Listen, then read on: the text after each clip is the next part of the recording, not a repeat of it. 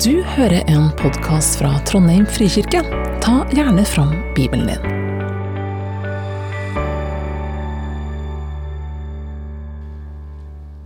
Da skal vi lese fra Efeserbrevet, kapittel 1, vers 15-23. Derfor holder jeg ikke opp med å takke Gud for dere når jeg husker på dere i mine bønner.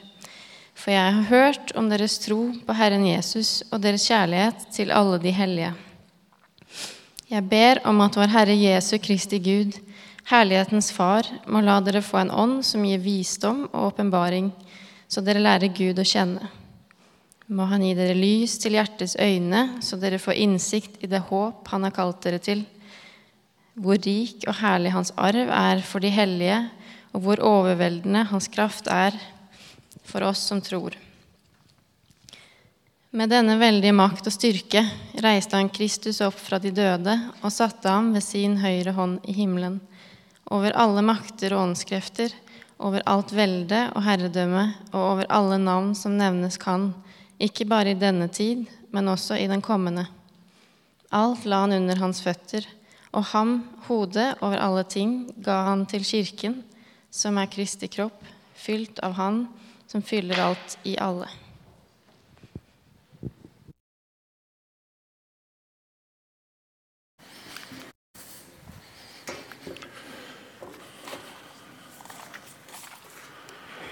Vi har altså begynt på en eh, temaserie fra Efeserbrevet denne høsten. Et eh, utrolig flott og innholdsrikt brev skrevet av Paulus. Og eh, et brev som mange har si, opplevd som et brev som har gitt dem veldig mye. Calvin, ikke han som laga denne her temperaturskalaen, men reformatoren Calvin, han sa det at det var hans favorittbrev, dette her. Og A. Robinson, en kjent engelsk prest og teolog og fortolker, han kalte det for kronen på Paulus' skrifter. Og Min oppfordring er les det og se om de har rett. Bruk denne høsten til å bli kjent med Efeserbrevet. Da vil du også få mer igjen for talene, tror jeg. Fordi jeg tror talene denne høsten med Efeserbrevet blir litt annerledes enn de andre talene. Iallfall blir mine det, for jeg kommer til å gå gjennom litt sånn vers for vers de tekstene som vi har på de søndagene der jeg skal tale.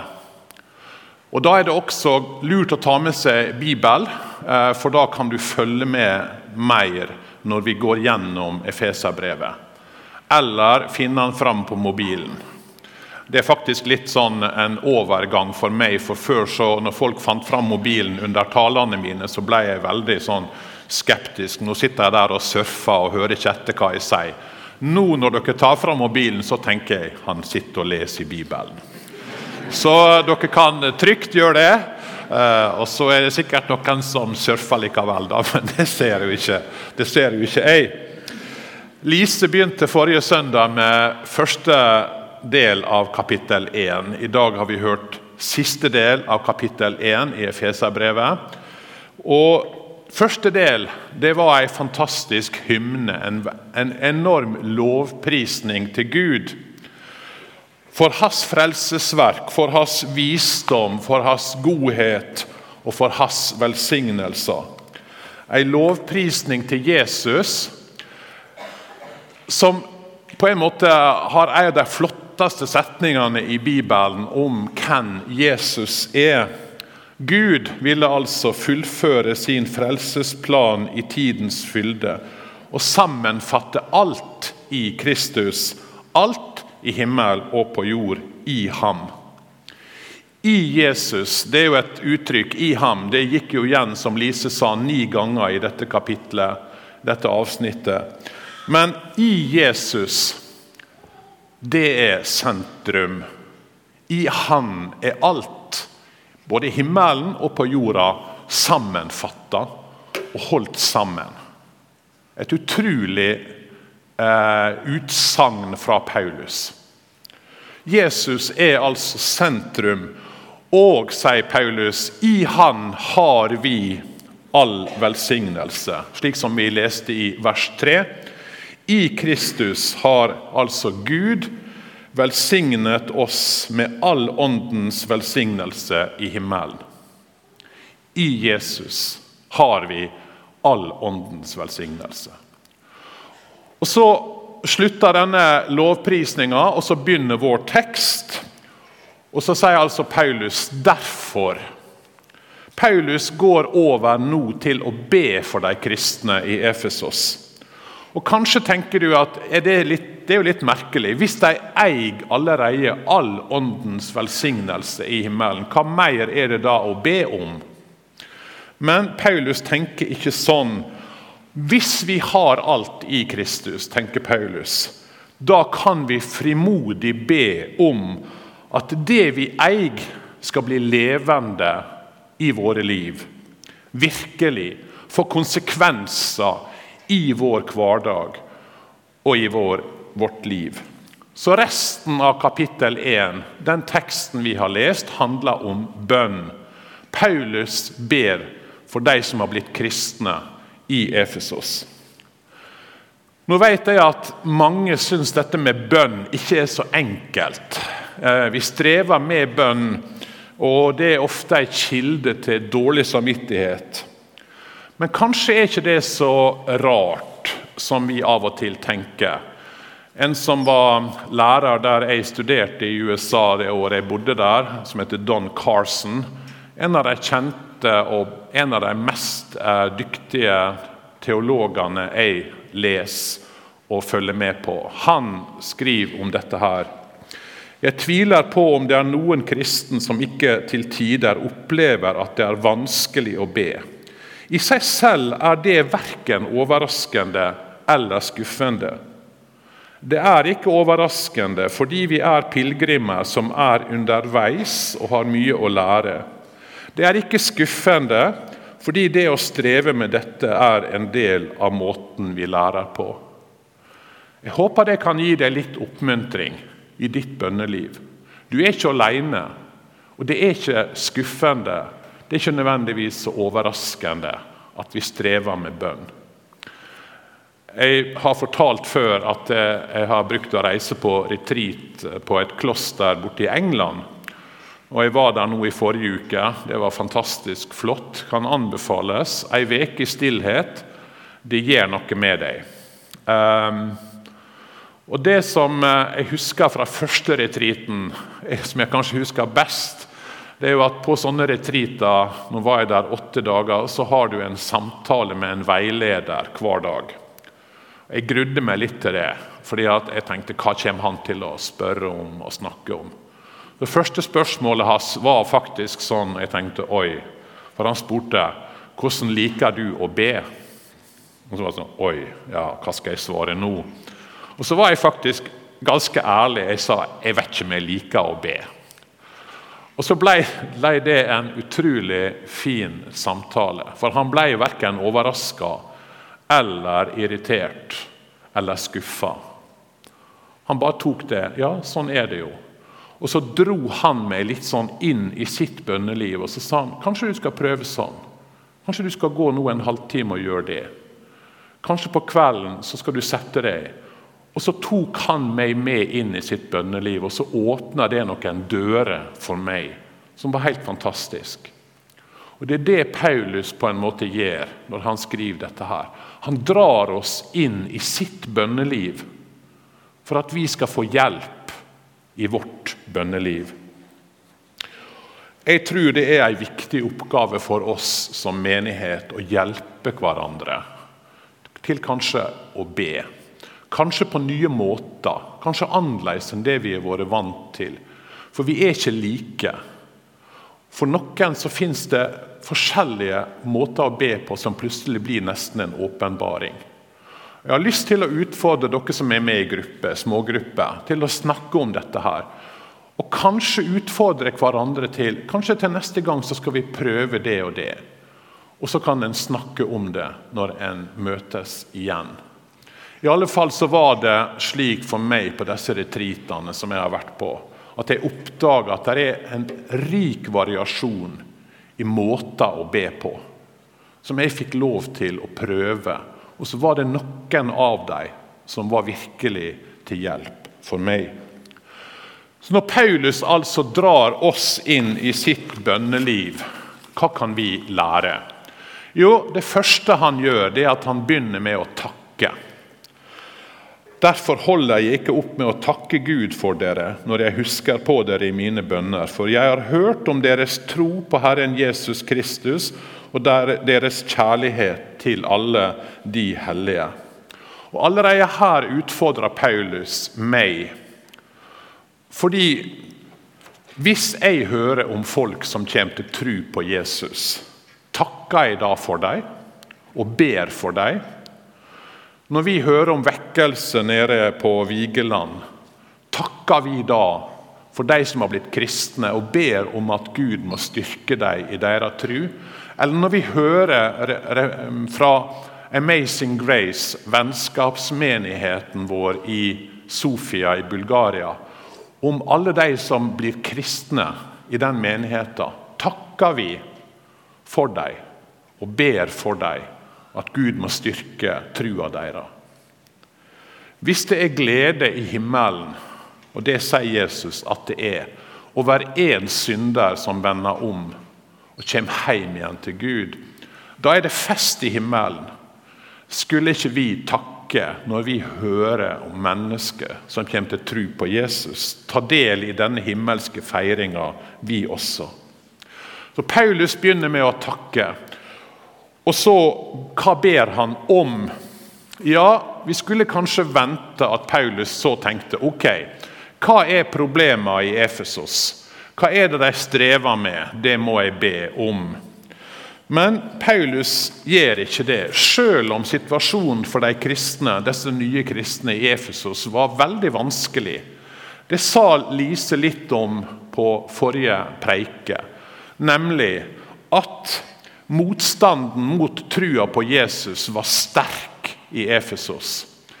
De som tjente penger på Artemis-dyrkelsen, de ble rasende over at folk kom til tru, for det ødela businessen deres. Så vet vi at det var forfølgelse fra jøder, men det var først og fremst forfølgelser fra romerne for de som ikke ville tilbe keiseren. Men Paulus ber altså ikke om at Gud skal stanse disse fæle romerne og hindre dem i å plage de nye kristne, eller at han skal stoppe disse her rasende handelsmennene. Nei, det er ganske gjennomgående. Og Hvis du leser bønnene til Paulus og bønnene i apostelgjerningene, så ser du at det er sjelden de ber for de ytre omstendighetene. De gjør det, og det er ikke noe galt i å be om det. Men det de først og fremst gjør, er ikke å be om at Gud skal endre de ytre omstendighetene. Og Det også utfordrer meg i mitt bønneliv. For mine bønner, det må jeg innrømme, det handler stort sett om at Gud må gjøre sånn, og at han må ordne opp sånn, og hjelpe den og den, og gjøre den frisk. Kort sagt, jeg konsentrerer meg veldig fort om de ytre omstendighetene. Jeg takker, ja, det gjør jeg, men så går jeg veldig fort over til å be for barn og barnebarn og venner som er syke, og folk som har problemer, og ber om at barne, barnebarna ikke må bli mobba på skolen osv. Og, og så sier jeg amen. Og så gjør Paulus noe helt annet. Bønnene hans er annerledes. De er mye djupere. Og det handler også om hva han ber om. Jeg ber om, sier han, for disse nye kristne, som nå er trua av forfølgelse og problem. Så sier ikke han noe om det. Han sier jeg ber om at vår Herre Jesu Kristi Gud, herlighetens Far, må la dere få en ånd som gir visdom og åpenbaring, så dere lærer Gud å kjenne. Det er sentrum i Paulus' sin bønn. At de må lære Gud å kjenne. Og Paulus viser oss at bønn er noe annet enn sånn krisehåndtering. For sånn er det vi ofte tenker om bønn.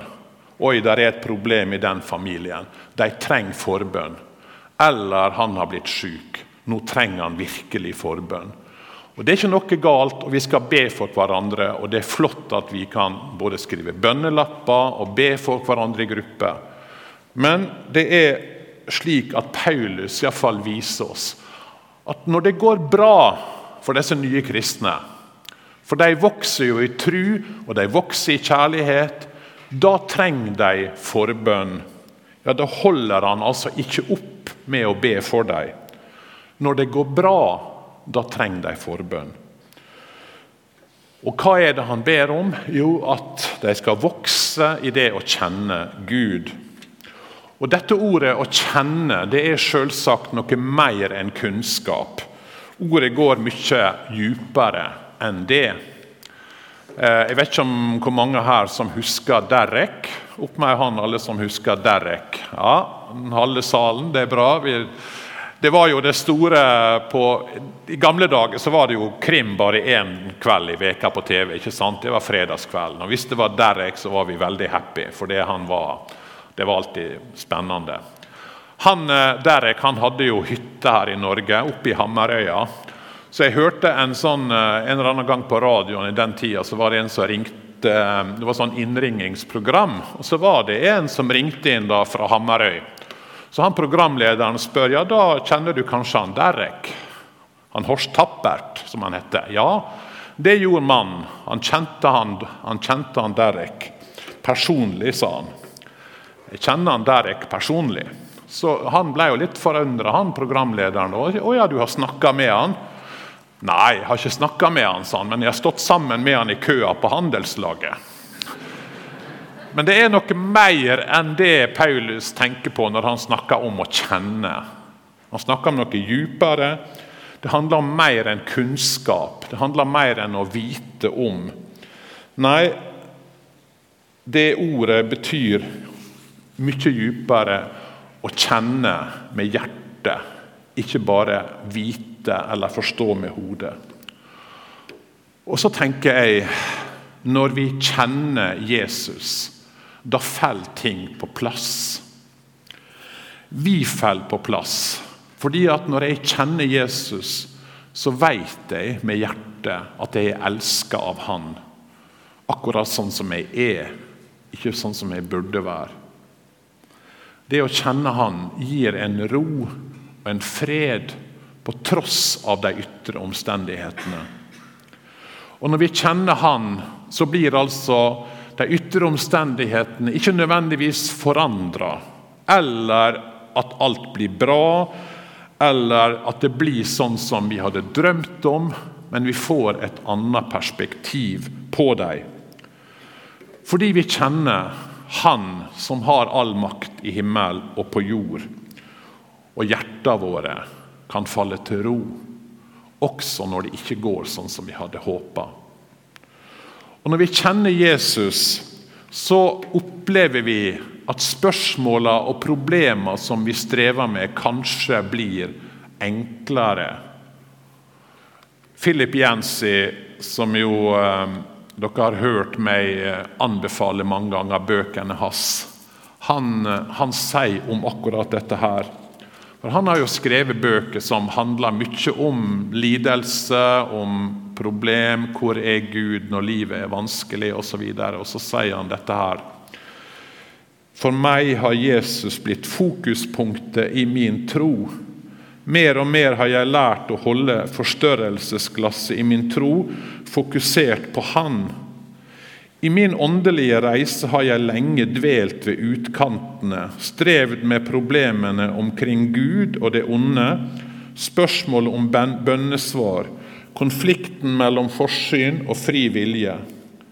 Når jeg gjør det, blir alt uklart.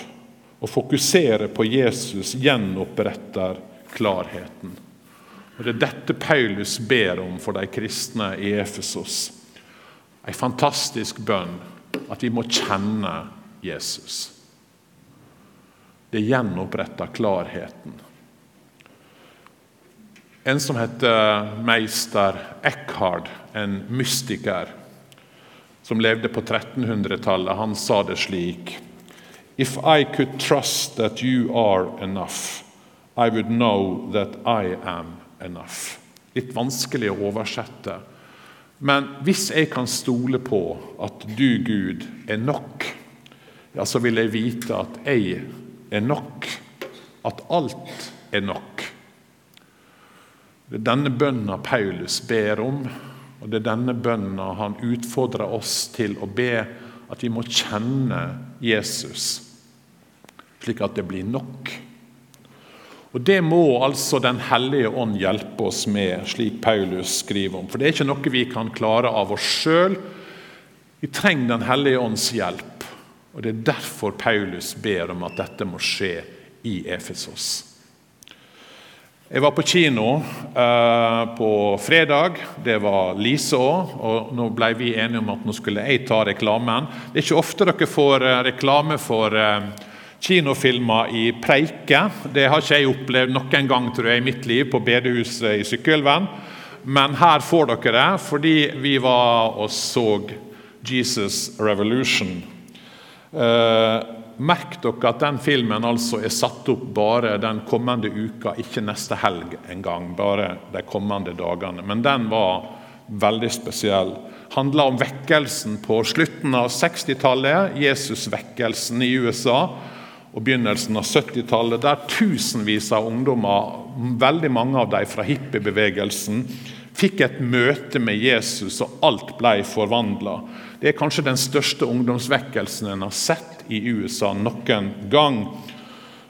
Det var, det var sånn en film som rørte eh, veldig mye. Kanskje fordi jeg opplevde litt av det samme her i Norge. Fikk liksom litt av liksom tilbake igjen til 70-tallet men også fordi det var sterke møter, sterke vitnesbyrd om hva Jesus kan bety. En av de som var en sentral person i dette, her, han sa det om disse hippiene, som han var sjøl en del av da, at de, de leita etter svar. De leita etter sannheter, men de leita på feil plass, sa han. Og Det var når de møtte Jesus at ting ble forandra at alt falt på plass. Jesus var virkelig svaret. Og Det er her denne bønnen altså til Paulus kanskje må bli vår bønn. At mennesket må få møte og kjenne Jesus. For da vil ting falle på plass. Og Så fortsetter Paulus da med hva dette har å si. Han sier må Han gi dere, gi dere lys til hjertets øyne, så dere får innsikt i det håp Han har kalt dere til, hvor rik og herlig Hans arv er for de hellige, og hvor overveldende Hans kraft er hos oss som tror. Tre ting ber Paulus om at vi skal få innsikt i. Det håp han har kalt oss til, er det første. Gjennom hele Nye testamentet så hører vi om Guds kall til oss. Vi er kalt til fellesskap med Gud, vi er kalt til frihet, vi er kalt til å høre Jesus til. Og I alt dette så ligger det en stor nåde, nemlig at det er Gud som tar initiativet. Det er Han som tar oss inn til seg. Og Jesus han sa jo til disiplene sine dere har ikke utvalgt meg, men jeg har utvalgt dere. Det er Jesus som begynner. Det begynte i dåpen eh, da han tok oss inn i sitt rike og inn i sin favn. Slik som vi hørte i forrige søndags tale. Gud tar initiativet fordi han vil frelse for alle. Og så ber han om at vi må få innsikt i hvor rik og herlig hans arv er for de hellige. Han ser altså ikke bare tilbake igjen på det kallet Gud gjorde for å dra oss inn til seg. Han ser også framover og ber oss holde fast på om at vi skal holde fast på det, den arven som venter på oss. Slik at vi kan løfte blikket, ikke tro at den verden vi lever i, er alt. Eh, en del av dere leser John Fosse. Han er jo en av våre virkelig store eh, forfattere for tida. Han meldte seg jo ut av statskirken da han var ung, og så ble han senere kristen. Veldig spennende historie. Eh, fascinerende historie. Han sier om dette her i et intervju i Vårt Land på sin underfundige og fine måte. og Det er jo ekstra fint når det er på nynorsk, så bare se, bare hør dette her. Vi er ikke hjemme her. Noen tror kanskje at de er det, men jeg er det ikke. Veldig mange er det ikke. Siden jeg ikke er hjemme her, må det vel være noe som jeg kjenner til som heime. Og den staden er ikke her. Når vi føler at denne verden ikke er på plass, så er det fordi at vi hører til i to verdener.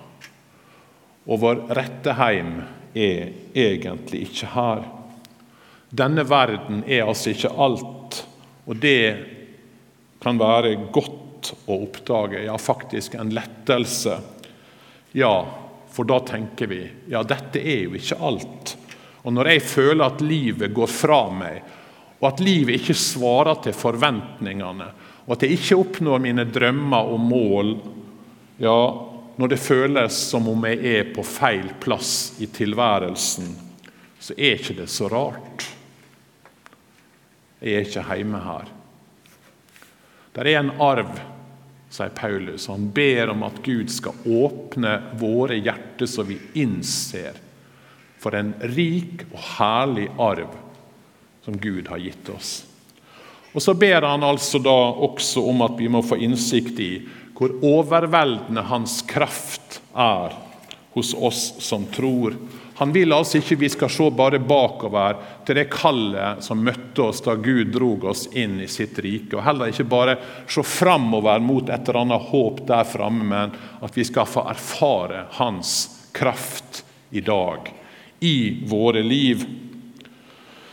Og Det kan jo fort tolkes som kraft til å seire, eller kraft til å vinne fram, eller kraft til å gjøre store ting. Men Paulus presiserer hva denne krafta er. Han knytter det til det Jesus gjorde. Med denne veldige kraft, sier han, reiste han Kristus opp fra de døde og satte ham ved sin høyre hånd i himmelen. Guds kraft viste seg altså gjennom det som skjedde med Jesus. Han som ga avkall på sin makt. Han som ga avkall på sin herlighet og blei et menneske, tok på seg en tjeners skikkelse. Han lei og døde en vanærende død på korset. Det er altså ei kraft som er annerledes enn det som vi fort tenker når vi tenker på Guds kraft eller på kraft. Fordi vi drømmer ofte om den type kraft som Elia hadde når han ba om at det skulle komme ild fra himmelen. ikke sant? Den type liksom, Grip inn og liksom vis virkelig din makt, Gud. Og om du dreper 450 profeter, ja, så får det bare være. Men vi vil ha liksom denne her veldige krafta. Men så sier altså Paulus at det er ikke denne krafta vi skal få erfare i våre liv. Men den krafta der Gud gjennom svakhet, gjennom det ser som ser ut som nederlag, som ser ut som et tap, gjør noe nytt. Gjør noe helt annerledes. Reiser Jesus opp fra døden og setter han i himmelen. Over alle vonde makter. Og Det er det jo det som dette avsnittet slutter med, på en måte. At Gud har underlagt alt under Jesus. Vi skal høre mer om det. Og som dere hørte, eh, Noas ark har allerede begynt på det der, med denne kampen vi står i mot vondskapens ånde her i himmelrommet, som Paulus kommer tilbake igjen til i kapittel 6. Vi skal også høre om det neste søndag. Men det som er poenget her, det er at Paulus ber for de kristne i Efesus at de skal kjenne Jesus og kjenne hans kraft midt i alt det som vil møte dem. For det vil være mange ting. Det vet vi fra historia. At det var mye forfølgelse, mye lidelse som venta de kristne i Efesus. Slik at de holder fast på Jesus midt i alt dette. At de holder fast på trua også når motgangen og prøvelsene og forfølgelsene kommer. At de husker at Jesus er konge, at han er herre, at han virkelig er Kristus. At alt er sammenfatta i himmelen og på jorda, i Han. Og at alt er lagt under hans føtter, så vi trenger ikke å frykte. If I could trust that you are enough, I would know that I am enough. Paulus sier bønn, kanskje det kan bli vår bønn for oss sjøl, for de andre i menigheten, for de nye kristne i Amazing Grace i Sofia, for barn og barnebarn, for vennene i den gruppa vi går i. La oss be. Gud, vi ber om at du som er herlighetens far, må gi oss ei ånd som gir visdom og åpenbaring, slik at vi lærer deg å kjenne. Og du gir oss lys i våre hjerter, slik at vi kan se og erfare det håpet som du har kalt oss til, og hvor rik og herlig den arv er som du har beredt for oss, og hvor veldig de kraft er slik at vi kan hvile i deg, Jesus. Stadig ta vår tilflukt til deg og kjenne at det er nok. Amen. Takk for at du hørte på. Velkommen til gudstjeneste søndager klokka 11. Mer informasjon finner du på trondheim.frikirke.no.